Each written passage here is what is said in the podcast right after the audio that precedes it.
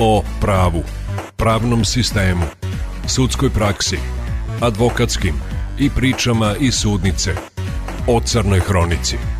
Emisija Proces. Dobar dan poštovani slušaoci, dobrodošli u Proces. Ja sam Milica Ćirić. Sa nama je naš sagovornik, advokat iz Crne Gore, Srđan Lješković. Dobar dan i dobrodošli u Proces. Dobar dan vama i vašim slušalcima. Javnosti u Srbiji vaše ime je postalo poznato preko medija zbog slučaja Sare Vidak, državljanke Srbije koja se sudila u Crnoj Gori. Koliko je zahtevno braniti i koliko ti slučajevi zahtevaju kompleksnosti? Prvo da se zahvalim na pozivu. Prvi put gostujem u Vojvodini, a odgovor na vaše pitanje bi bio da braniti stranog državljanina u Crnoj Gori je rutina pod uslovom da taj stranac nije Srbije. Suđenje je organizovano nikad ekspresnije u istoriji crnogorskog pravosuđa. Jemstvo koje je tada ponuđeno za Saru i za njenu slobodu, kao branioci ponudili smo u iznosu od 10.000 eura, isto je odbijeno.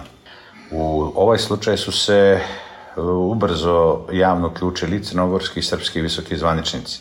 Tadašnja predsjednica Vrhovnog suda Vesna Medenica i tadašnji ministar pravde Zoran Pažin su između ostalih odmah nakon događaja osudili napad na sutkinju, pozdravili reakciju policije i tražili brzo procesuiranje slučaja. Smetnuli su jedino sa uma tada prezumciju nevinosti. Odmah nakon njihovog obraćanja reagovao i tadašnji šef srpske diplomatije Ivica Dačić koji je tada i rekao, znači citiram, lično suđujem hajku u crnogorskim medijima bez ikakvog dokaza. Nakon ove izjave ovaj slučaj prerasta u jednu verziju rata između crnogorskih i srbijanskih medija. Iako je napad na sudiju ozbiljan prestup u svakoj zemlji, a poruka u ovom slučaju trebala bi biti jasna. Zanimljivo je da je u tom momentu da su crnogorski pravosudni istražni organi nemaju baš uravnoteženu praksu kad su u pitanju napadi na službena lica, a niti su do slučaja Sare Vidak bili ovako revnosni i strogi. Po saznanjima Sarine porodice i mojim tadašnja predsjednica Vrhovnog e, suda Vesna Medenica je poslala jednog mog kolegu čije ime ne bih pominjao, a ako nekada bude čuo ovu emisiju prepoznaće se da mi se poslati da mi se predmet oduzme kako znaju i umiju jer nanosim štetu navodno svojoj zemlji i Crnoj Gori. Taj advokat, moj kolega, bio je kod porodice Vidak koja mu se zahvalila na ponudi i stala je uz mene do kraja kao branjeca njihovog djeteta.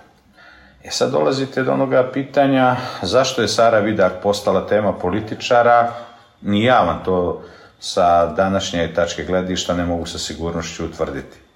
A koliko je Kanada velika i ozbiljna država, govori vam i to da je samo porodica i odbrana znala da se kanadski ambasador iz Beča za svog državljanina interesovao nakon svakog suđenja o dešavanjima. Ponudio je svu vrstu pomoći koju god porodica i odbrana zatraži, a da se nijesu ni jednom umiješali u nazovi rat Crne Gore i Srbije oko ovog predmeta. Jer morate da znate da je i Sara kanadski državljanin. Ako Sara nekada bude slušala i ovu emisiju, veliki pozdrav eto za Saru i njenu porodicu. Konkretno za taj slučaj svašta se pisalo od e, otvorenog stanja na stranu devojke, tvrdnje da je lažno optužena, iznošenja priče iz njenog privatnog života, do nagađanja u ishodu suđenja, suđenja u tabloidima pre samog suđenja. Koliko u stvari mediji pomažu, koliko odmažu u, slučaju kada se neke informacije pojave pre samog suđenja? Kako da vam odgovorim? Mediji su radili svoj posao. Imali su zanimljiv predmet koji je predstavljao možda i snažno oružje za prevlast u tom trenutku u javnom i političkom životu Crne Gore. Prenos informacija dešavao se inercijski. Manji mediji u Crnoj Gori preuzimali su te vijesti, stvarao se lažni plural po kojem je nekoliko desetina različitih medija iznosilo istu tvrdnju o događaju koji je bio jednostavan. A ako su svi rekli i prenijeli da je tako, to je onda istina za mase gdje su vas jedni razapinjali, a drugi branili. Ja sam u jednom momentu kod jednog dijela crnogorske javnosti koja je pripadala tadašnjoj vlasti bio izdajnik nacionalnih interesa države zato što sam radio svoj posao i borio sam se kako sam znao i umio protiv te mašinerije da zaštitim za mene jedno iskreno, nezaštićeno biće za koje sam tada i dan danas siguran da nije počinila ono što su joj nametnuli i stavili na teret. Koliko je moguće odvojiti privatno od poslovnog? I da li je moguće da ne budete uvučeni u neki slučaj privatno? U Crnoj Gori je to nemoguće. Kako zastupam u jednom velikom predmetu i ovdje kod vas u Novom Sadu, nažalost i ovdje je to nemoguće. Daleko smo mi od demokratije i u Crnoj Gori i u Srbiji, daleko smo od shvatanja da advokat radi svoj posao najbolje što umije, da treba da pruži najbolju moguću odbranu onome koga brani, a da druga to strana ne shvata lično. Da li postoji neka granica, filter koji ne prelazite i da li postoji slučaj koji ne biste prihvatili da branite, koji vam vaš etički kodeks ne dozvoljava da branite? Odgovorit ću vam da u svojoj dosadašnjoj karijeri odbio sam jedan jedini slučaj.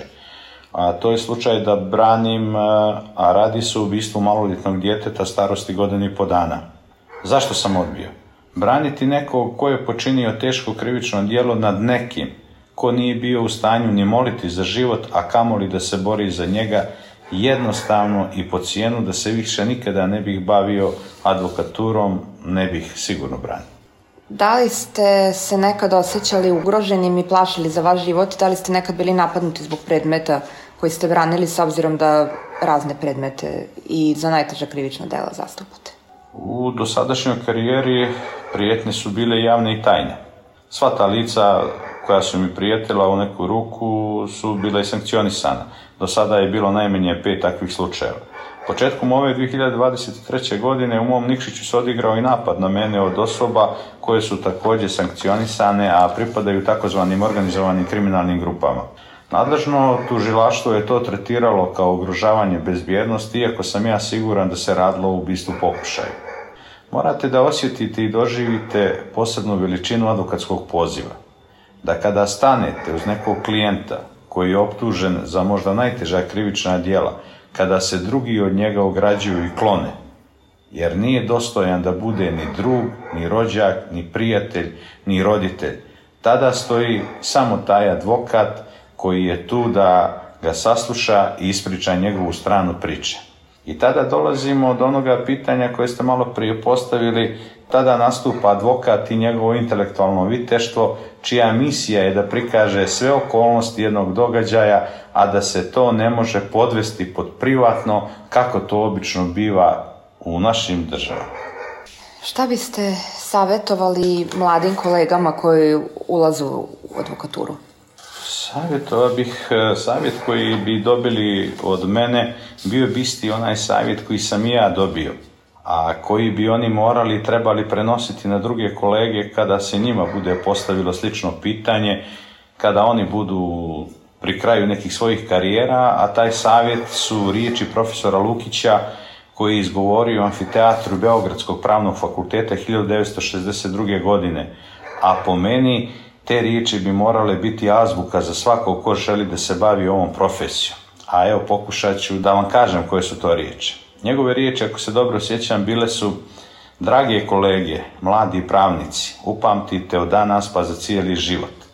Da je država monopol nasilja i da vlada strahom koji sije preko vojske, policije, tužilaštva, ali često i sudova Zbog toga ćete kao pravnici morati cijelog života da budete u sukobu sa državom, braneći narod od zle vlasti, jer je svaka vlast zla i naopaka. Samo tako oslobađate narod tog straha i zavređujete svoj ugled i ugled naše pravne profesije. Da li krivica bila vaša želja ili vam je to nametnuto? U ovom poslu kako krenete na početku karijere, kada vam dođu prvi predmeti, jednostavno vas oni povedu tim putem. Nekom e, je to parnica, nekom krivica, nekom prekršaj. Većina mojih prijatelja i drugara iz mladosti su nekako usluge tražili s krivice, pa su tako i odredili moj put, a taj moj put je da sam e, svoj advokatski posao uglavnom se bavim krivicom. Mnogo vam hvala što ste govorili za emisiju Proces. Hvala i vama što ste nas pozvali. Proces.